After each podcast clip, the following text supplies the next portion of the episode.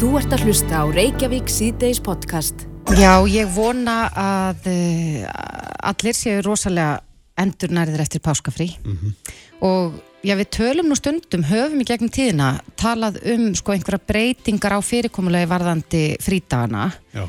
og kannski sérstaklega kringum jólin vegna þess að eins og síðustu jól þá fengum við mjög fáa frítaga og það hafa nú einhverjir á þingi verið að leggja fram alls konar tillögur um, um þetta að við fáum auka frítaga og fleira en núna um helgina byrtist ein róttæk hugmynd um breytt páskafrí Já, það var Jón Þorvaldur Heiðarsson, lektor við Háskólan Akureyri sem að skrifaði þennan pistil og hann er á línu, kom til sæl. Já, komið sæl. Farðu nú að séfið með okkur í hverju þessi róttæka hugmynd fælst? Já, sko, hún fælst bara fyrst og fremst við því að spurja sig að því uh, þessir frítagar sem er á vori, sem eru daldið margir og út um allar trissurdaldið, myndu þeir nýtast okkur betur ef þeir væru kannski samþjappaðri eða einhvern veginn öðruvísi. Myndi það gefa okkur eitthvað meira? Og ég er að spekla í þarna, sko, getum við bara búið til frí viku þar sem eru frí, þessar fimm dagar í röð, þessar mandagur til fyrstags, eru bara allir frítar og við fáum sko nýju daga glukka til að vera bara algjörlega í frí. Þá er, er þið þá, uh, hvenar þessi frítagur eru teknir, það er þið ákveðið fyrirfram. Þetta væri bara fast ákveðið í almanækinu. Já, þetta væri bara alltaf á sama stað, uh, til dæmis bara vikan það sem væri fyrsti apríl eða einhver önnur vika.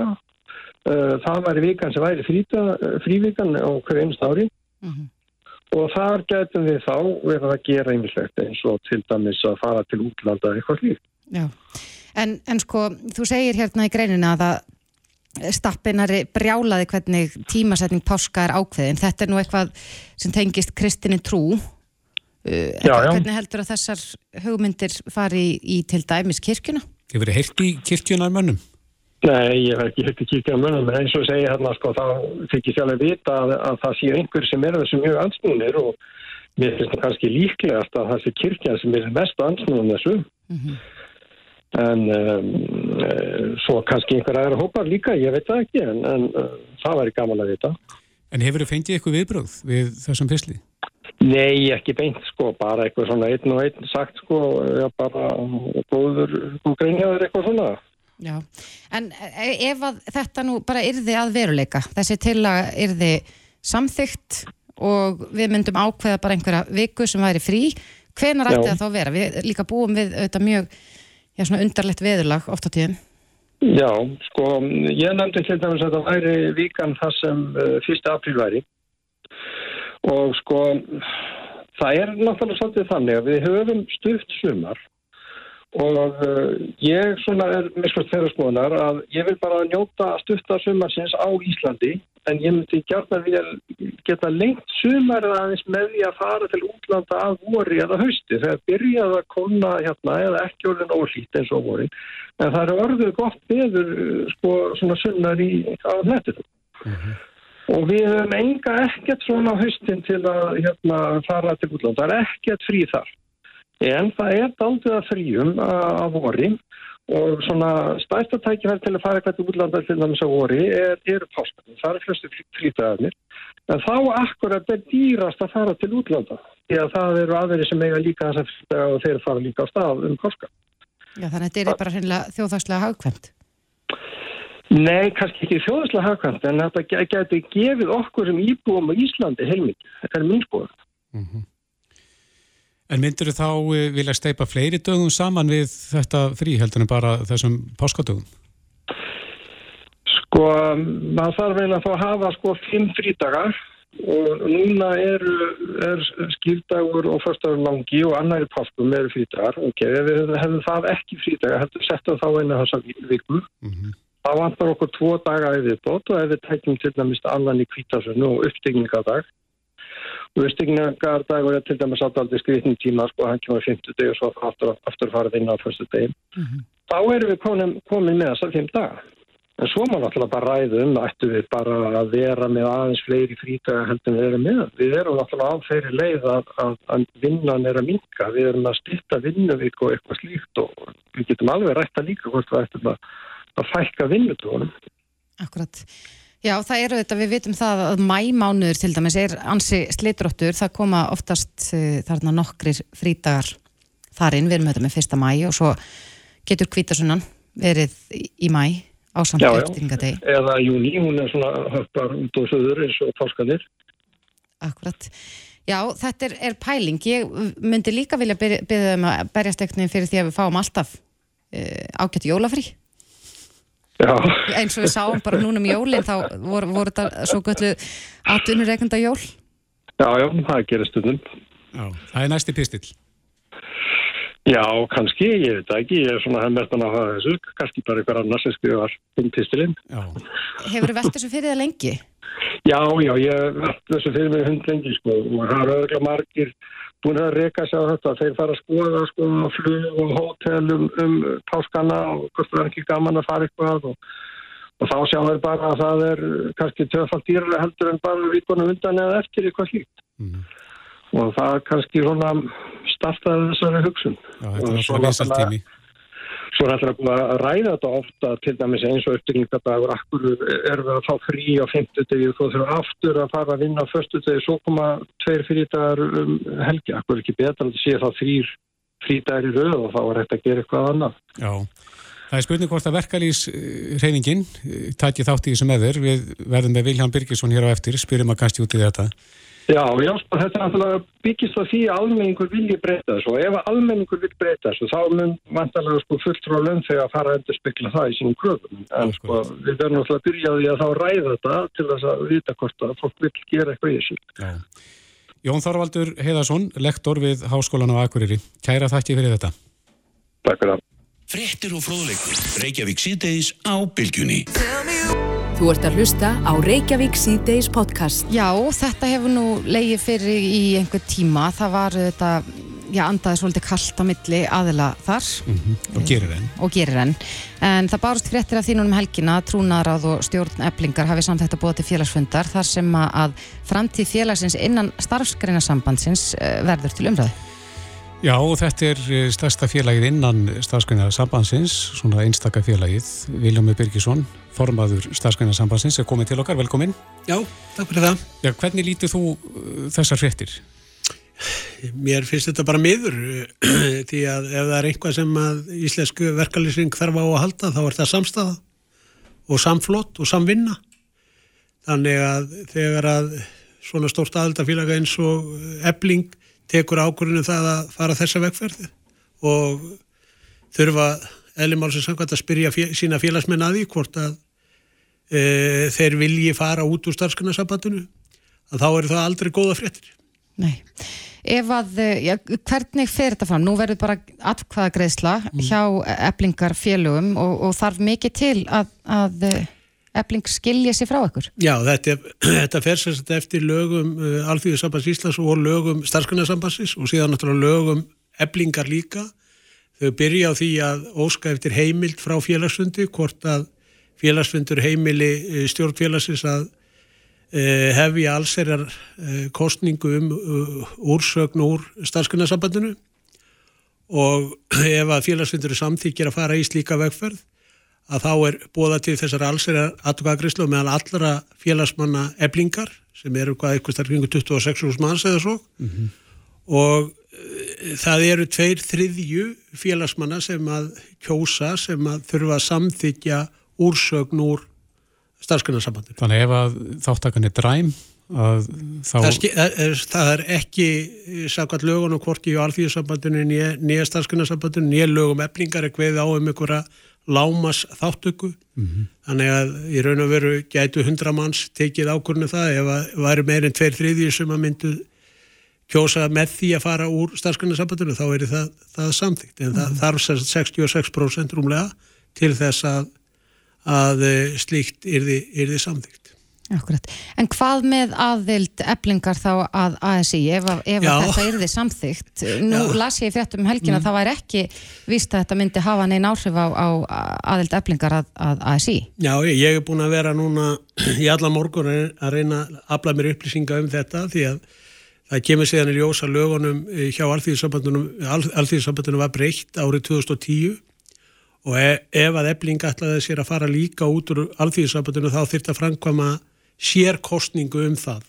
Þannig að þau fara uh, samkvæmt uh, lögunum sem hafa breytt á, á þingi alþýðisambandinu 2010 þá faraði ekki automatist uh, þar út samkvæmt mínu nýjustu upplýsingum. Nei.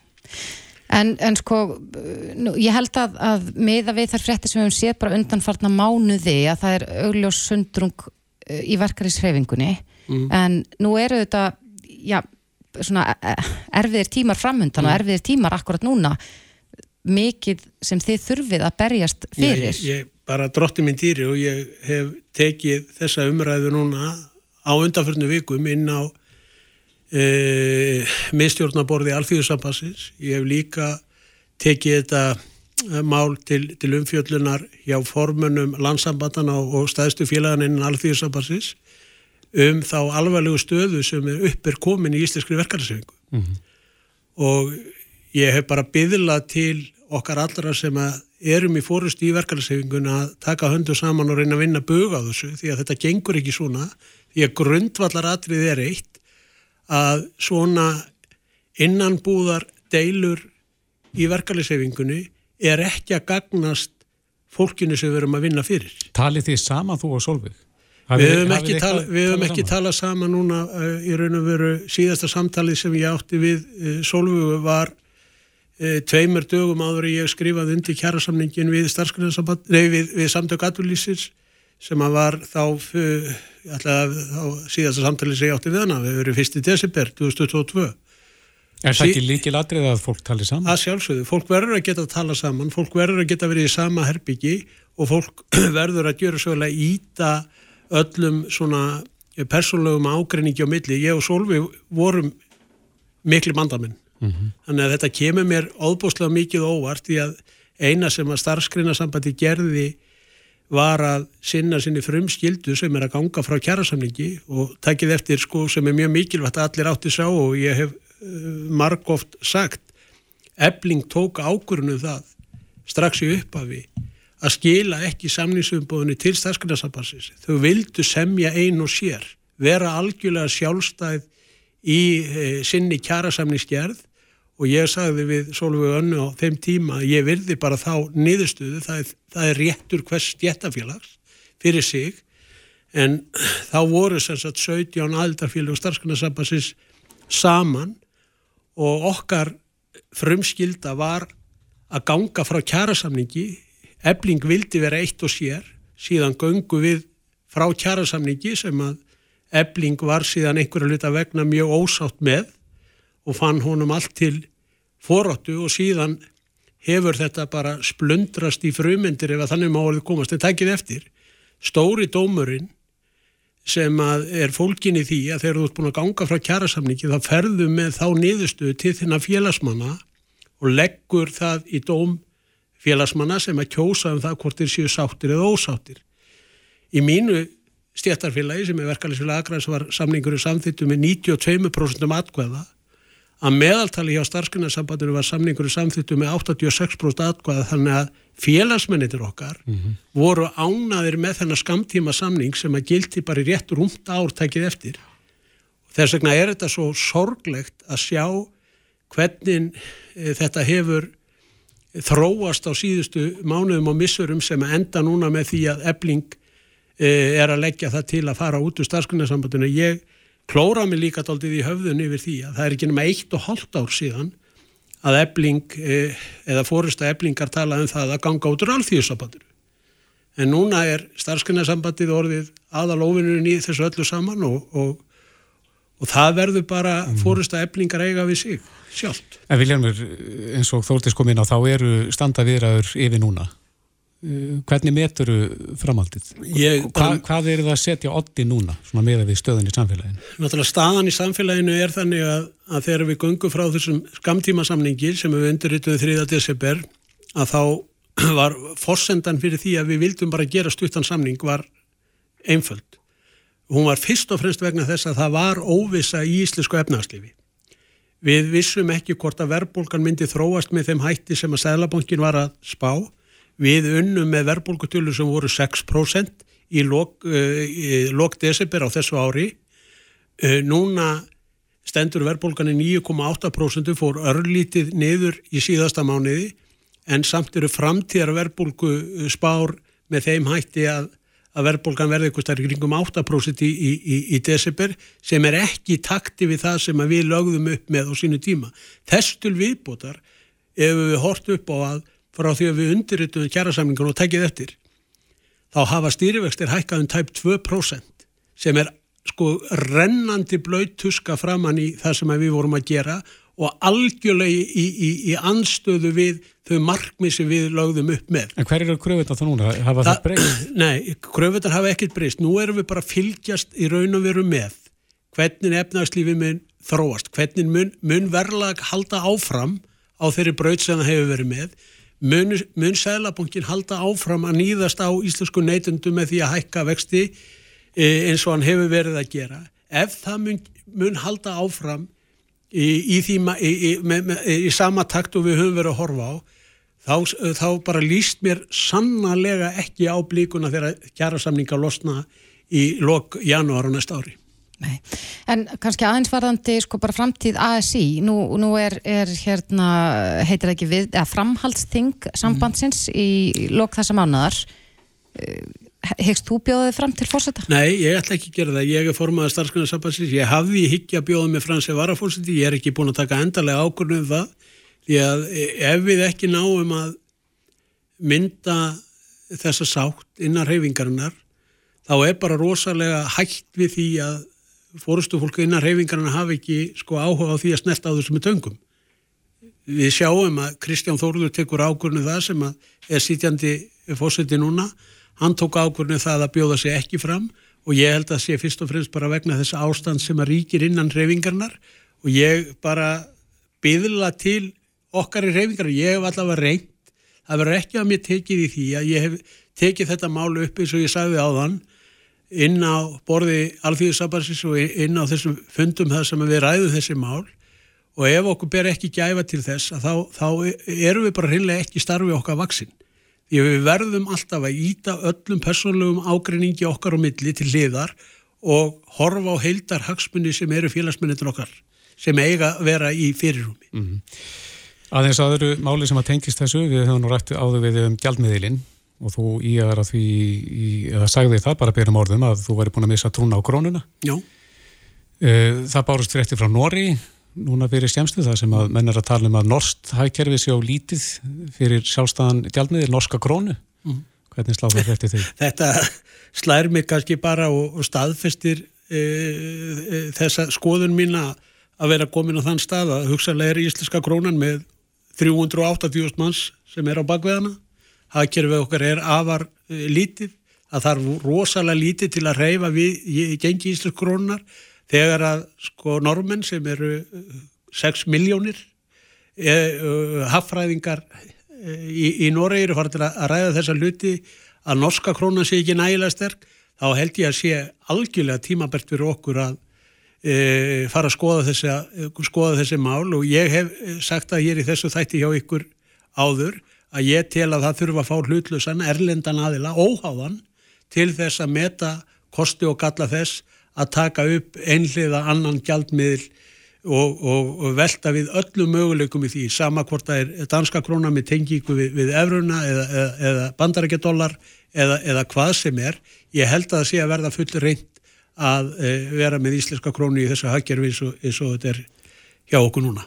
En með að við svona hvernig umræðan hefur verið í kringum eh, já, gjaldmiðlinn undan farna mánuði, það er nú eitthvað síðan að þú sast hérna hjá okkur og, og við tölum um þetta eh, það verðist, verðast sko, já vera mjög skiptar skoðunur þessu, hvað er það valdi því? Hvers vegna eru við ekki að koma staðan einni saminleiri neðstu? Það er risastóri hagsmunir ég held að það sé bara þeir sem hagnast á Íslands krónin er náttúrulega þeir sem eiga, við, við erum átt okkur af því að við erum ekki bara með eina krónu við erum, er, sko, þetta er raun og veru þrjár krónur sem við erum með. Við, við erum náttúrulega með Íslensk krónuna sem almenningu þarf að þóla síðan erum við með verðtýraða krónu sem að fjármasegundur uh, hérna geta uh, skilt sér á bakvið síðan erum við náttúrulega með fyrirtækinu öll hinn sem að gera upp í ellundu gjaldmiðlum en á endanum er það bara almenningu sem þarf að vera með þessa íslensku krónu sem að sveiplast eins og kortapp í ólkusjó og kostnæðurinn við, við, við það lendir alltaf á almennum neytundum heimilum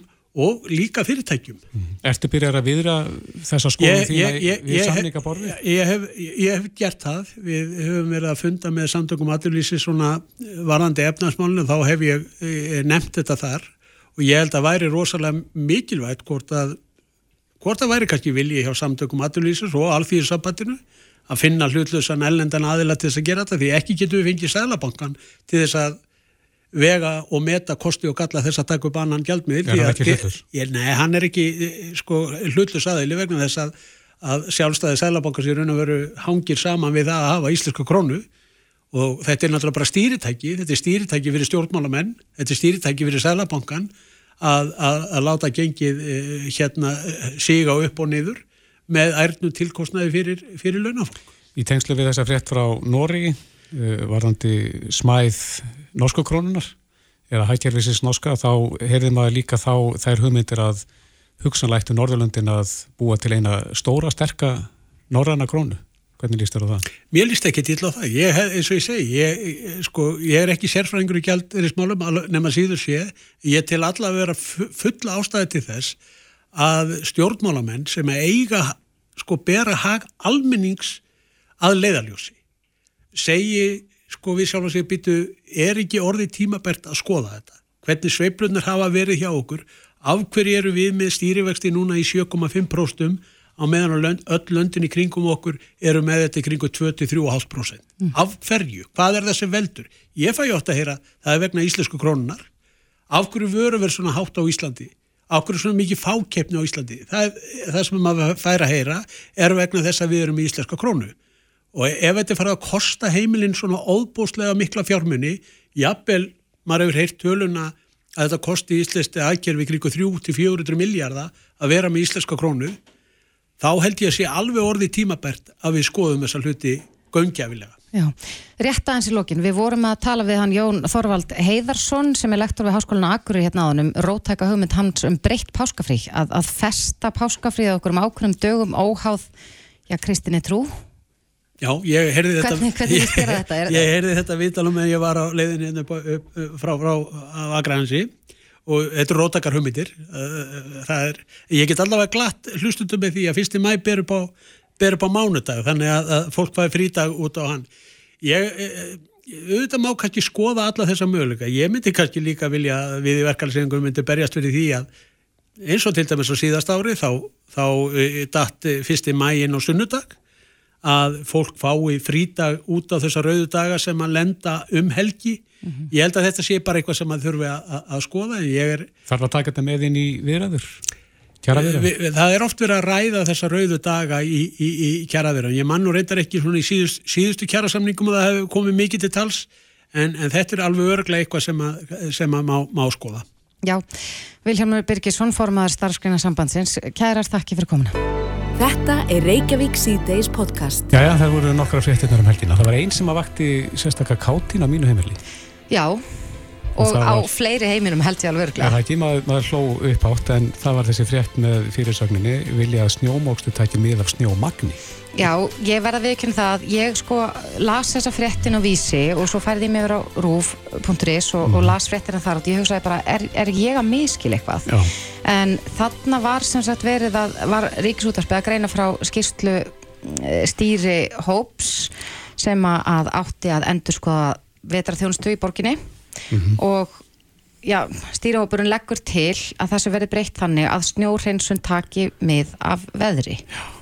Gefur komið, það ekki auðvitað? Já, það er spurning. Hún er komið til okkar til að ræða þetta Alexandra Brím, formadur umhverjus og skipulagsráðs Reykjavíkuborgar. Velkomin.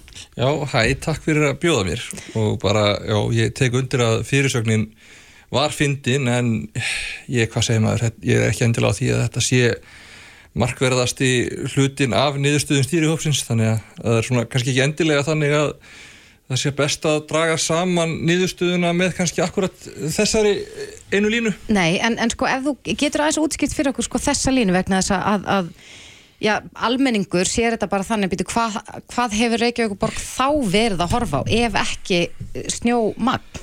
Nei, sko þetta er, þetta er í rauninni það, það er ekki, en, engin hluti af, af stóru niðurstöðunni að miða við snjómakt. Það sem er, það er verið að tala um að miða við að byrja fyrr, það þarf að segja hinga til að verið miða við að það þurfi að reyðja snjónum ef að snjórin er komin yfir 15 cm en nú erum við að tala um að breyta því þannig að það verið byrjað í 10 cm það þýðir að byrja, mið- miða við sett í rauninni minna snjómakt til þess að byrja fyrr og það safnist minna upp Hver, hver ákvað það að, að miða við 15?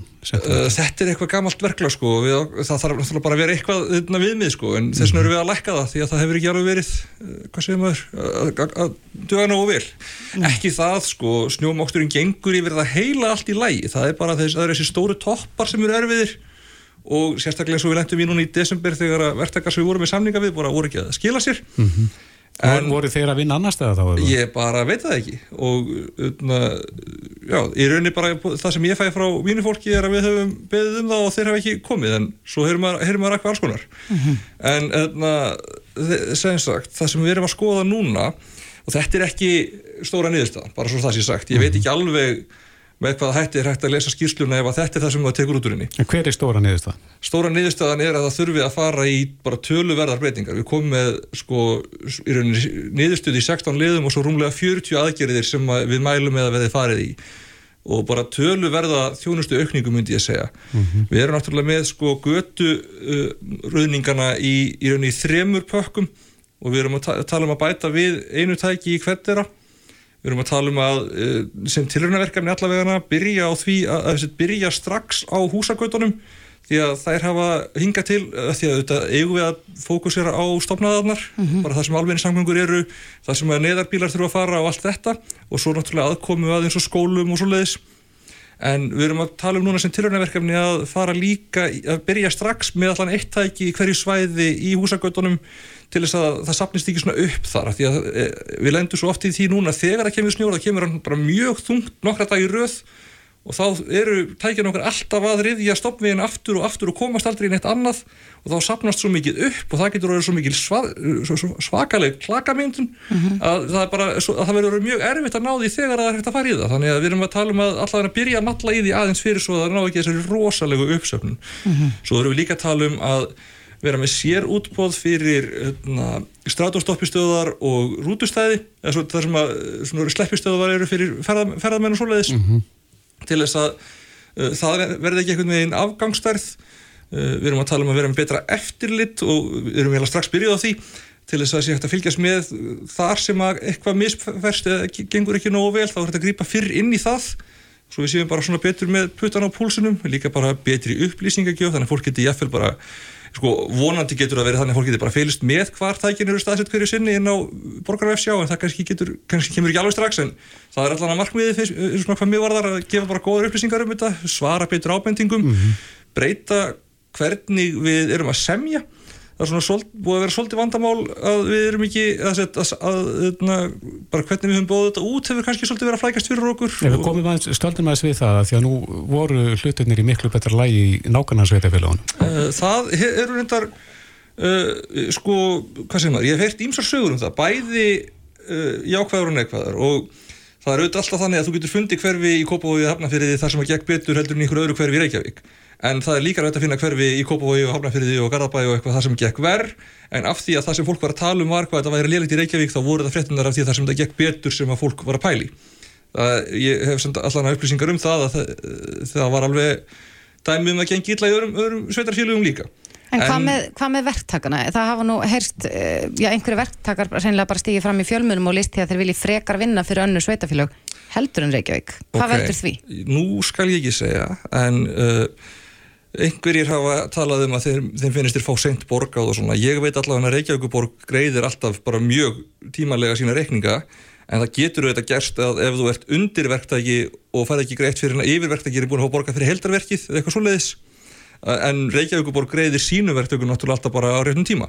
Og ég maður ekki hvort við minnum við, við, við 30 daga eða eitthvað svoleiðis. En na, það sem við þurfum líka að skoða er kannski að vera ekki í þessari endalösu samkeppni innbyrðis við, við, við hins veitafélögin um bara, hvað segju, mannskap og tæki og það á svona tímum.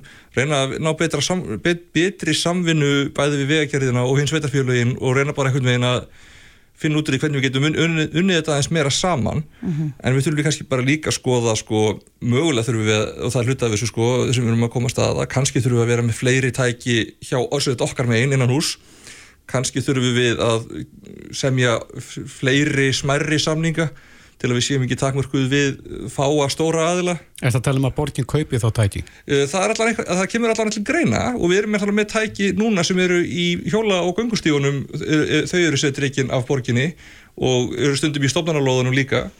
Þannig að það, gæt, það er alltaf því sem að kemur til greina en það á að vera þetta að leysa þetta með, með stærri samningum og bara skýrari samningum en við þurfum bara að skoða hvort að um, umfangið á þeim er eins og við viljum hafa það viljum við semja við örfá á stóra verktaka sem að ráða svo til sín minni eða viljum við gera fleiri minni samninga það er alls konar svona sem að þarf að ákveða og þetta Já. er eitthvað sem að í raunni starfsfólkinu er falið að meta í kjölfarið Já, og uh, þú sagðir hérna, uh, þetta eru 40 aðgerið sem þið leggir til og, og Já. 16 uh, Ja, þetta er svona í rauninni 16 svona, hvað segjum við, stefnubreitingar eða sirkabát ja, og hérna, svo setja eitthvað rúmlega 40 beinlinis tillögur að aðgerðum. En, en sko, hvernig mun ganga að vinna úr þessu, úr þessum niðurstöðum hópsins, sko bara fyrir næsta vetur? Nú er eiginlega, vonum við allavega að það mun ekki snjóa mikið meira.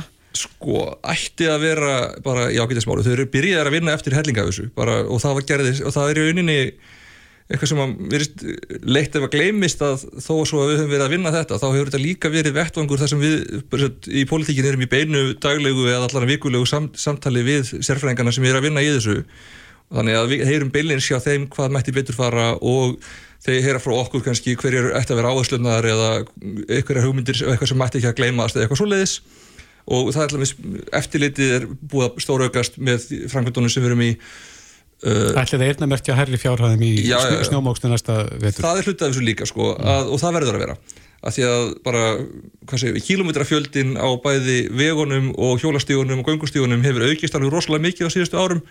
Bara borgin er að stekka og íbúum er að fjölga.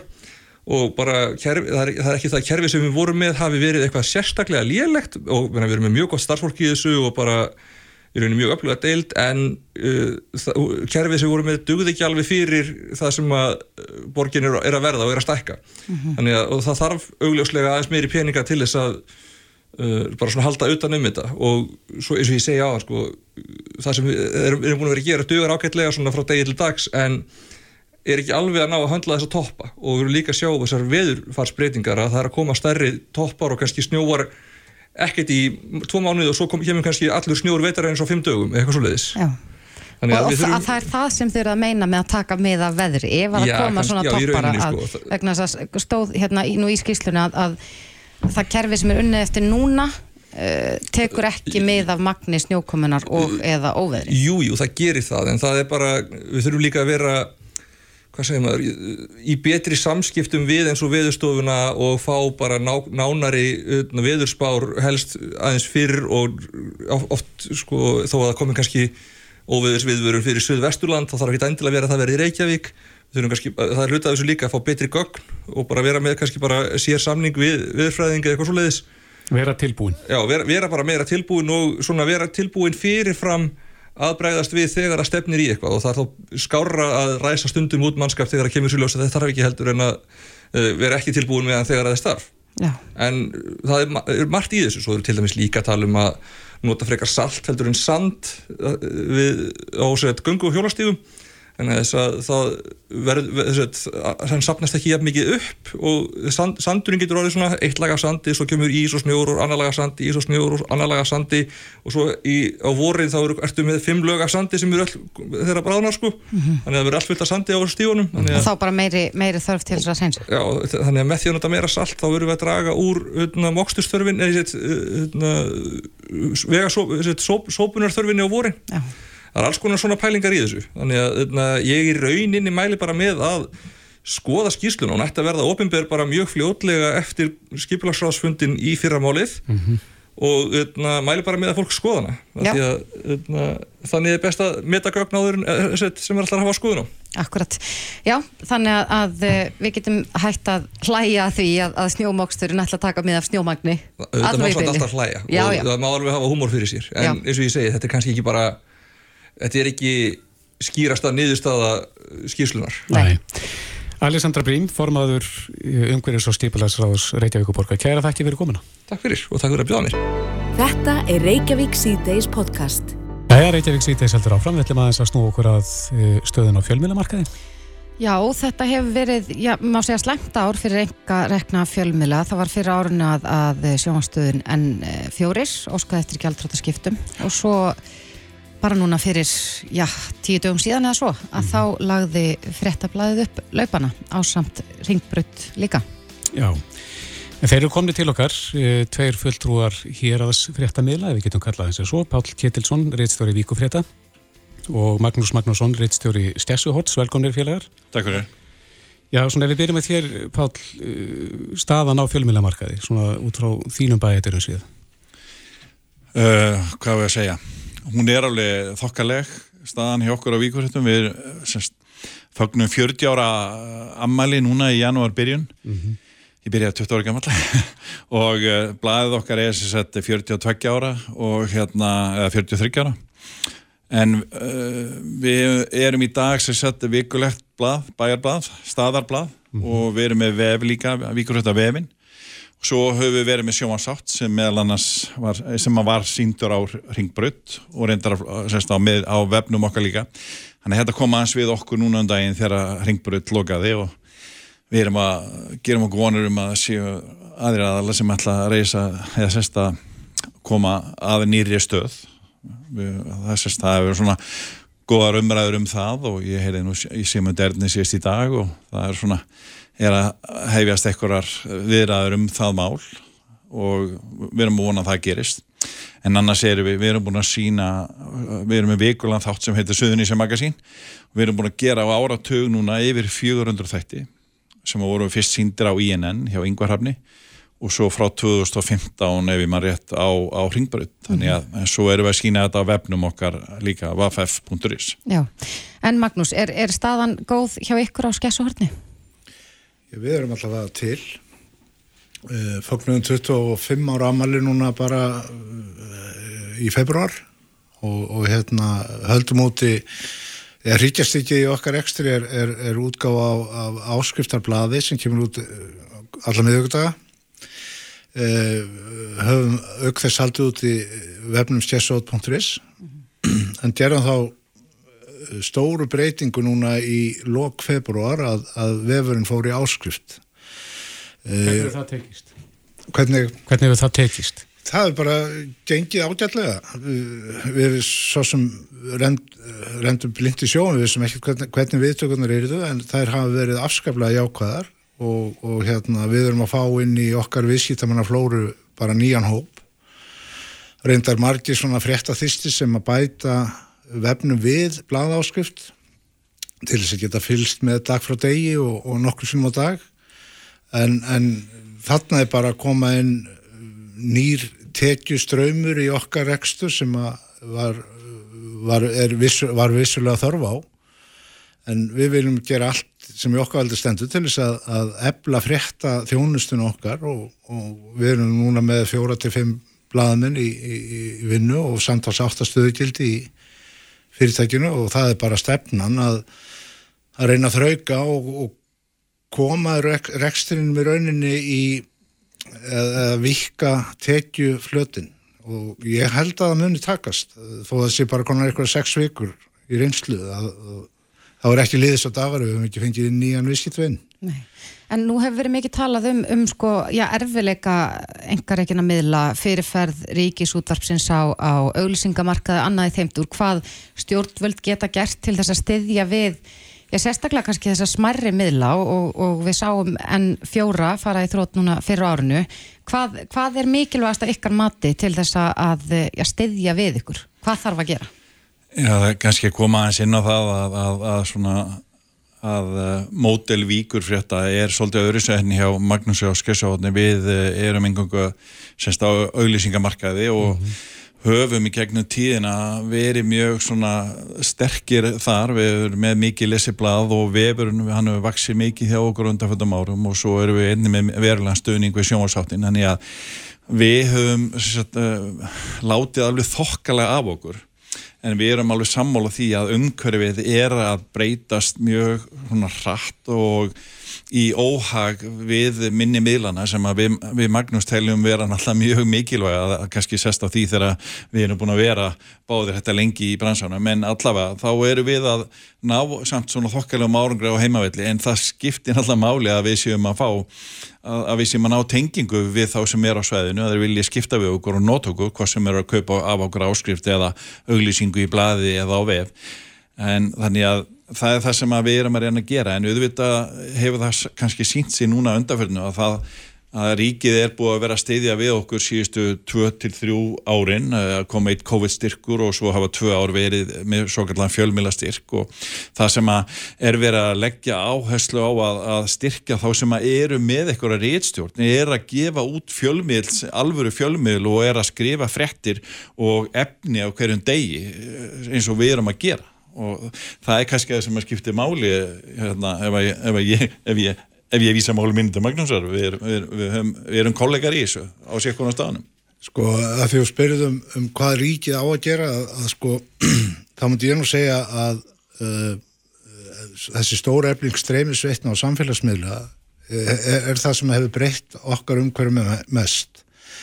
Og það er í sjálfu sér alveg ótrúlega galið að uh, seldar auðlýsingar á, á samfélagsmiðlum eða streyminsveitum skul ekki vera skatlaðar á sama hátt og íslenski fjölmjölar eru skatlaðar þegar, þegar við erum að selja auðlýsingar við, við palli þá þurfum við að bæta 24% virðsökkarskatti við. En það þarf kunin ekki að borga ef hann, ef hann kaupir af Mark Zuckerberg í Ameríku. Mm -hmm. uh, ég, mynd, ég myndi segja að þetta væri kannski stærsti þátturinn. Ég held að það sé ekki og eigi alls ekki að vera markmið lítilla eða stóra engaríkina fjölmiðla að, að býða eftir að ríki komi með einhverja dúsi af peningum til þess að halda okkur á floti. Það var hens var að skapa eðlilegt og samtjant umhverfi fyrir okkar fjölmiðla til þess að starfi og þá bara fer ég fram á það sé á samtjefnisvelli. Nú rúf er náttúrulega svona það sem er, er alltaf nefndur sem fýllin í stofunni sem hann vissulega er. Mm -hmm. Fær hann eitthvað 5-6 miljardar í forskot á alla aðra fjölmila, ykkur og, og, og, og bara alla fjölmili í landinu og haga sér svolítið svona eins og, eins og madama í, í, í þessu umhverfi.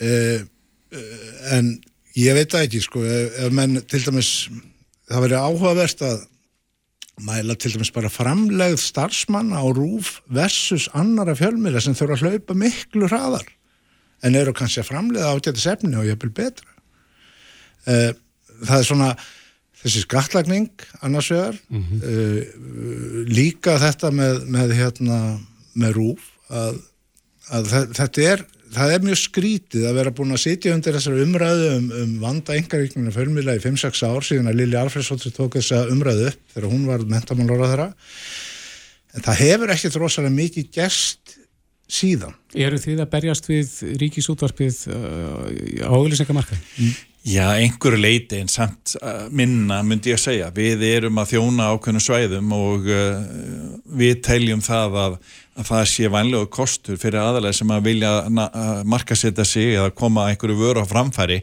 á Suðunísum og hann á Vesturlandi þá séum við betri miðla til þess og þannig að það er ég sem Magnús segir að, að, að það sem að hefur kannski gest mest í á auglýsingamarkunum hjá okkur er að það eru margi minnið aðlar sem er að nýta sér uh, ókipis aðganga að Facebook eða að borga mjög lítið það sem að ef að kaupa auðlýsingar þar og þá, þurfa, þá þarf Facebook ekki að, að, að innhemta neitt við þessaka skattena þannig að þetta er ójæmt umhverfi.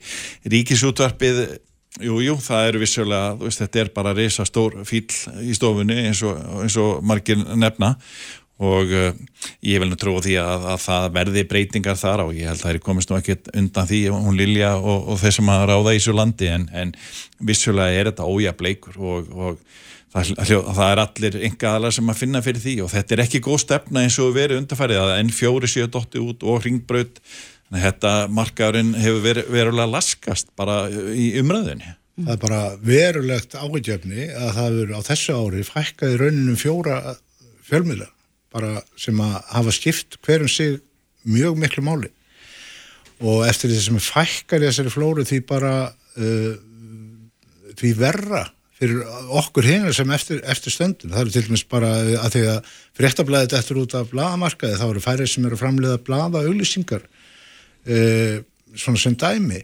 Fyrir okkur sem að búum á landsbyðinu, þá eru afaslemt að þessi bara, bara að missa út uh, þessa umfjöllun sem var til dæmis á N4 sem var, var landsbyðastöð og var alveg að sinna uh, þessari þáttagerð og, og, og, og koma bara á framfæri við, við ykkur sem búið á höfuborgarsvæðinu, því sem er að gerast út á landi.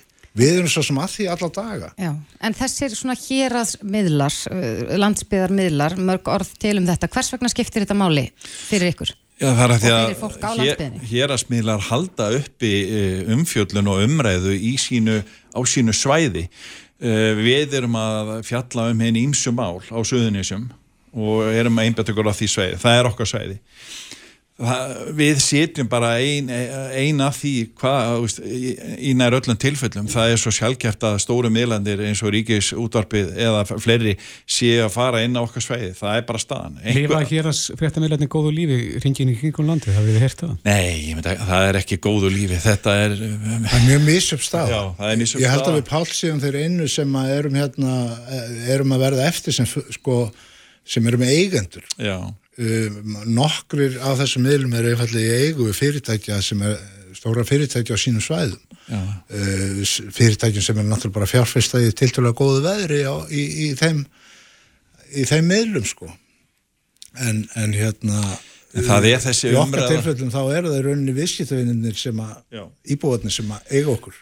já, við erum að tala við fólki í okkar umhverfi og saman hvort að það sé uh, bóndi á Vesturlandi eða, eða, eða Vestlunreigandi í Keflavík, það skiptir ekki máli. Við erum að sinna því og uh, það, er, það er mikilvægt fyrir okkar nærsamfélag að fólk í, á okkar svæði viti hvað það er í gangi og, og, og á öllum sviðum og það er það sem við erum að gera og teljum okkur vera mjög nöðsileg þess vegna að, að, að, sem, sem miðill.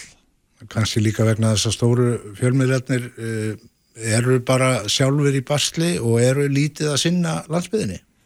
Fréttarittari fyrir dagblöð, þeir eru nánast hornir á sjónasviðinu. Uh, Sjónasatt að gerð er, er sára lítil uh, nema kannski hjá Magnús Hlín á Suðurlandi. Og Kristján Már. Já, og Kristján Mári já, hann er er að með sinna því. vandaða þætti en sjaldan. En þetta er allt gott og blessað en þetta er bara orðið allt og lítið. En við erum þá ennþá með miðla, veist, við erum báður með blöð, ég, við gefum út víkurættir í pappir og, og á netinu líka. Og það hefur endar, gerðist í COVID-una, við stoppuðum í hálft ára að prenta blaðið. Og það var mikill þrýstingur á að fá að prenta blaðið líka. En við eh, sagt, byggum til mjög stóran hóp sem að er að fylgjast með okkur á netinu, bara næri blaðið á netinu. Þannig að það hefur orðið nokkuð svona breyting hvað það varðar, sérstaklega meðal yngra, yngra fólks. En eldri kynnslóðin og miðkynnslóðin, hún vildi fá prentablað sem að við gerðum og fórum að, tre- hana, prenta aftur. Að Já, við, við erum báður að prenta blöð.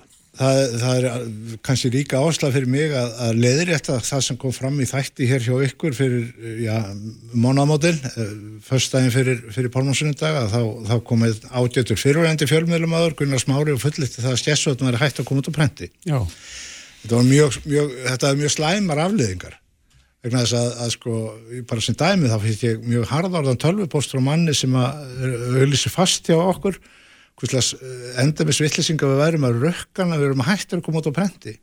Þannig að, að sko uh, það er náttúrulega margt, það eru mikla hræringar í þessu fjölmjölumarka en það er mjög, mjög mikilvægt eins og fyrir okkur að það komið fram að vikufrættir koma út á prenti eins og í viku og skessóð gerir það líka. Já. og það er engin bilbúður á því vegna þess að uh, sérstaklega eldra fólk það vil fá sitt blað Já, það er gott að heyra að þið lifið góðu lífi. Páll Ketilsson, reittstjóri Víkufrétt og Magnús Magnússon, reittstjóri Skessuhots. Gangi ykkur áfram vel. og Takk fyrir komuna. Reykjavík síðdeis á Bylgjunni podcast. Reykjavík sýttiðis heldur áfram, klukkuna vantar réttum 12 mínútur í 6, en uh, þættin er bara bref.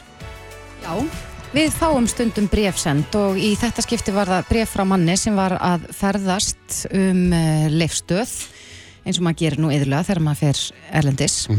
En þessi maður, uh, hann var ásamt félaga sínum en, en þeir eru báðir blindir og uh, ég segir ekki fara sína slettar af þjónustunni í fríhöfninni. Bergun Ótsson er á línunni, kom til sæl. Góðan daginn. Já, þú eins og Þórti segir, segir fariðin er ekki sléttar. Hvað lísta eins fyrir okkur því sem Þetta, að þetta, þetta var mjög gott þegar við vorum að leiðin út. Við vorum svolítið að fara til Spánar og Kanari. Við erum hann að tveir blindir og fengum frábæra þjónustu sko uh, frá því við innritum okkur í leifstu og þangtulega förum út í vél. En þegar við erum að koma heim að þá þetta langar okkur að fara í hérna, fríhittanlega eins og vantala öllum öðrum farþegum leifstöðar allavega íslenskum og, og þá kemur bara upp á kafinu að starfsmæður Ísafja má sem sagt ekki aðstó okkur í fríhjöfninni af því að það er, að, það er tvær ástæði fyrir því, það er annars vegar vegna þess að hann má ekki hlutast til um sko hvaða rauðvín eða súkulæði eða ylvat við ætlum að kaupa. Í staðan fyrir að segja bara hvaða súkulæði til eða hvaða rauðvín til, þá bara velum að það sjálfur. Og svo er hinn punkturinn að toll, uh, tollurinn hann segir að starfsmenn Ísæfi eigi ekki aðstofa fatlaða farþega í gegnum tollin, einfallega vegna þess að ef fatlaða einstaklingurinn tekur umfram magna af tópakið áfengi, þá er einfallega starfsmar Ísæfi og samsegur Já, já. og þetta eru þeirra rauk. En lísta eins fyrir okkur, þið, þið fáið vantarlega fylgdir það ekki úr flugvelinni, þannig að það er stafsmæður Ísafja sem að næri ykkur út í vél og, og lósar ykkur að komusalnum. Já. Og svo segi ég bara, ég er að kaupa síkartu fyrir fjölskyldumæðlim og, og þá kemur bara upp úr kafinu að hann segja, ég má ekki aðstofa ykkur því að, og þá er hann að nota þessi rauk sko. Já.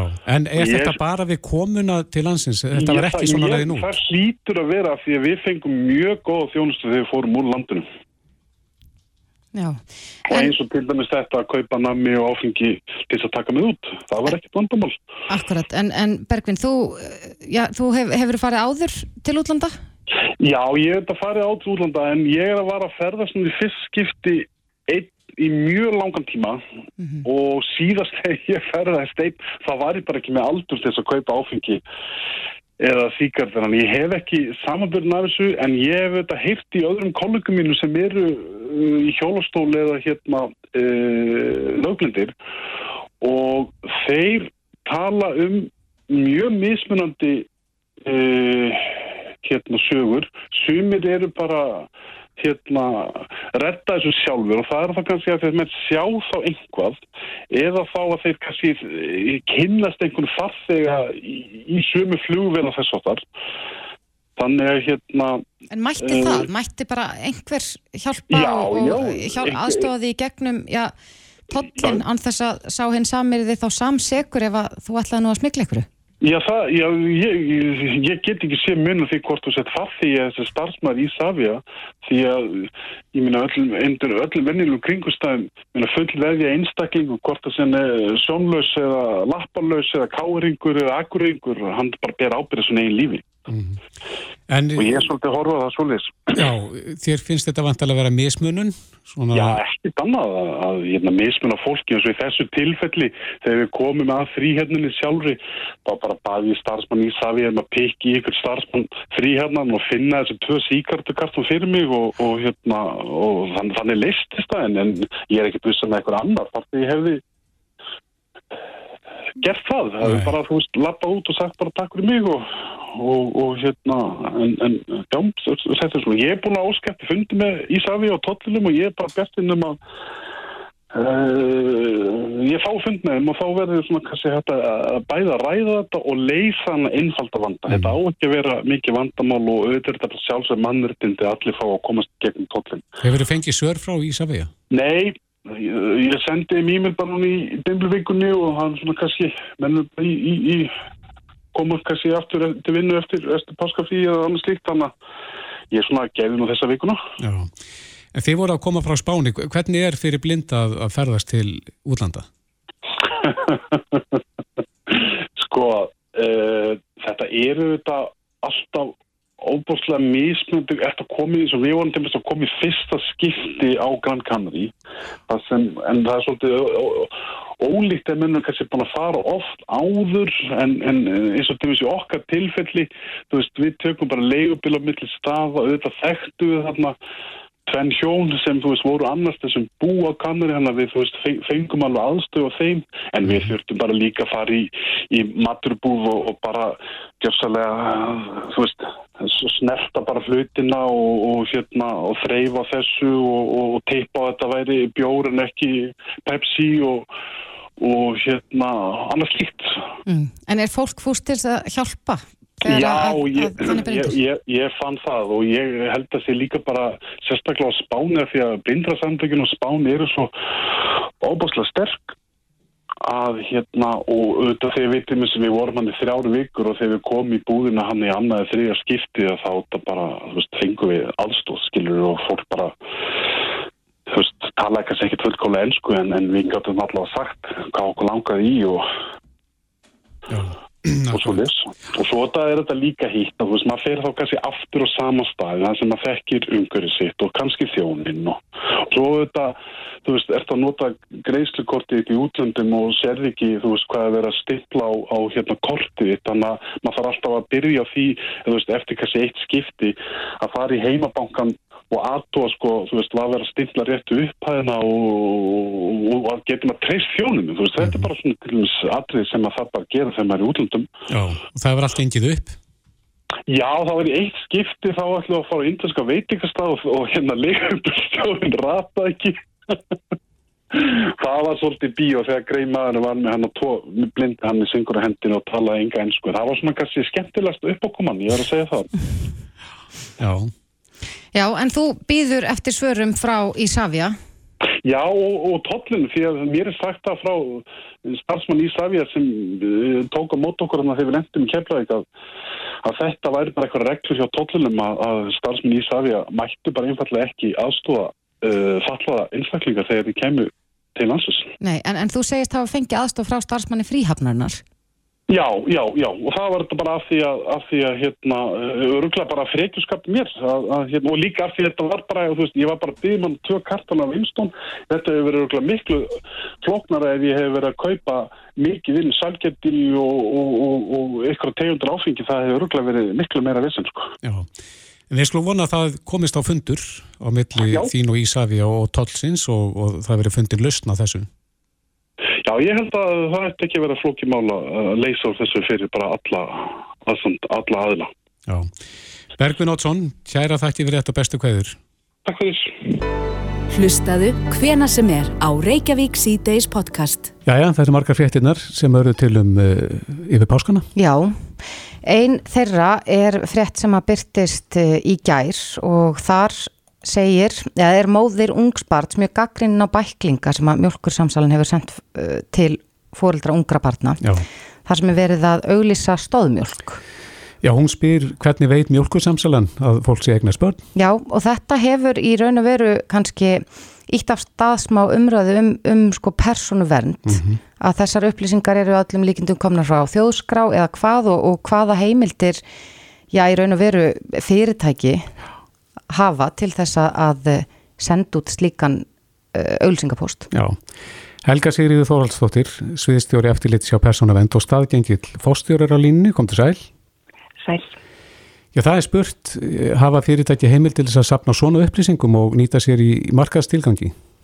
Já, persónuvernd fær alltaf reglulega fyrirspurnir um mála þessu tæja og oft sjáum við þá að mitt að upplýsingarnar eru sendar út eftir lista sem er tekin út þjóðskrá. Mm. Það eru ákveðnu reglur sem gilda um miðlun upplýsinga á þjóðskrá en miðlunum þarf við alltaf að vera í samræð með persónuverð líka. Já.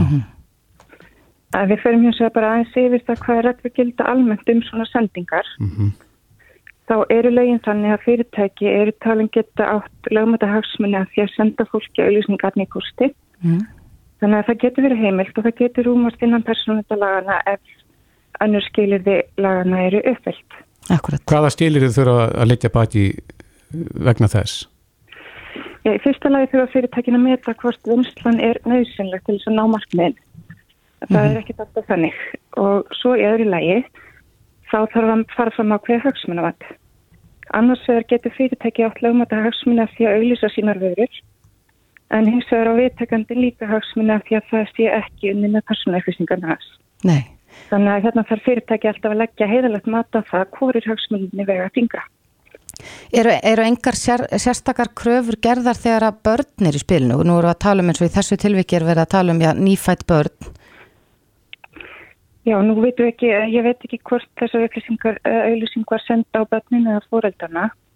Það eru alltaf sérstakar kröfur í lögunum um það hvernig að vinna með upplýsingar um börn. Það eru strángari kröfur af því að þau eru bara aðeins varnalösari heldur en við fylgjarnir fólkið. Mm -hmm. Akkurat. En, en já, maður veldi nú bara fyrir sér vegna þess að þessi móðir í þessu tiltakna máli, hún segir nú að hún hafi sendt ykkur fyrirspurn vegna þessa máls. Fáu þið kvartanir á borð til ykkur og takið þið afstöðu til þess, til mála sem þessa þegar að þið fáið svona fyrirspurnir?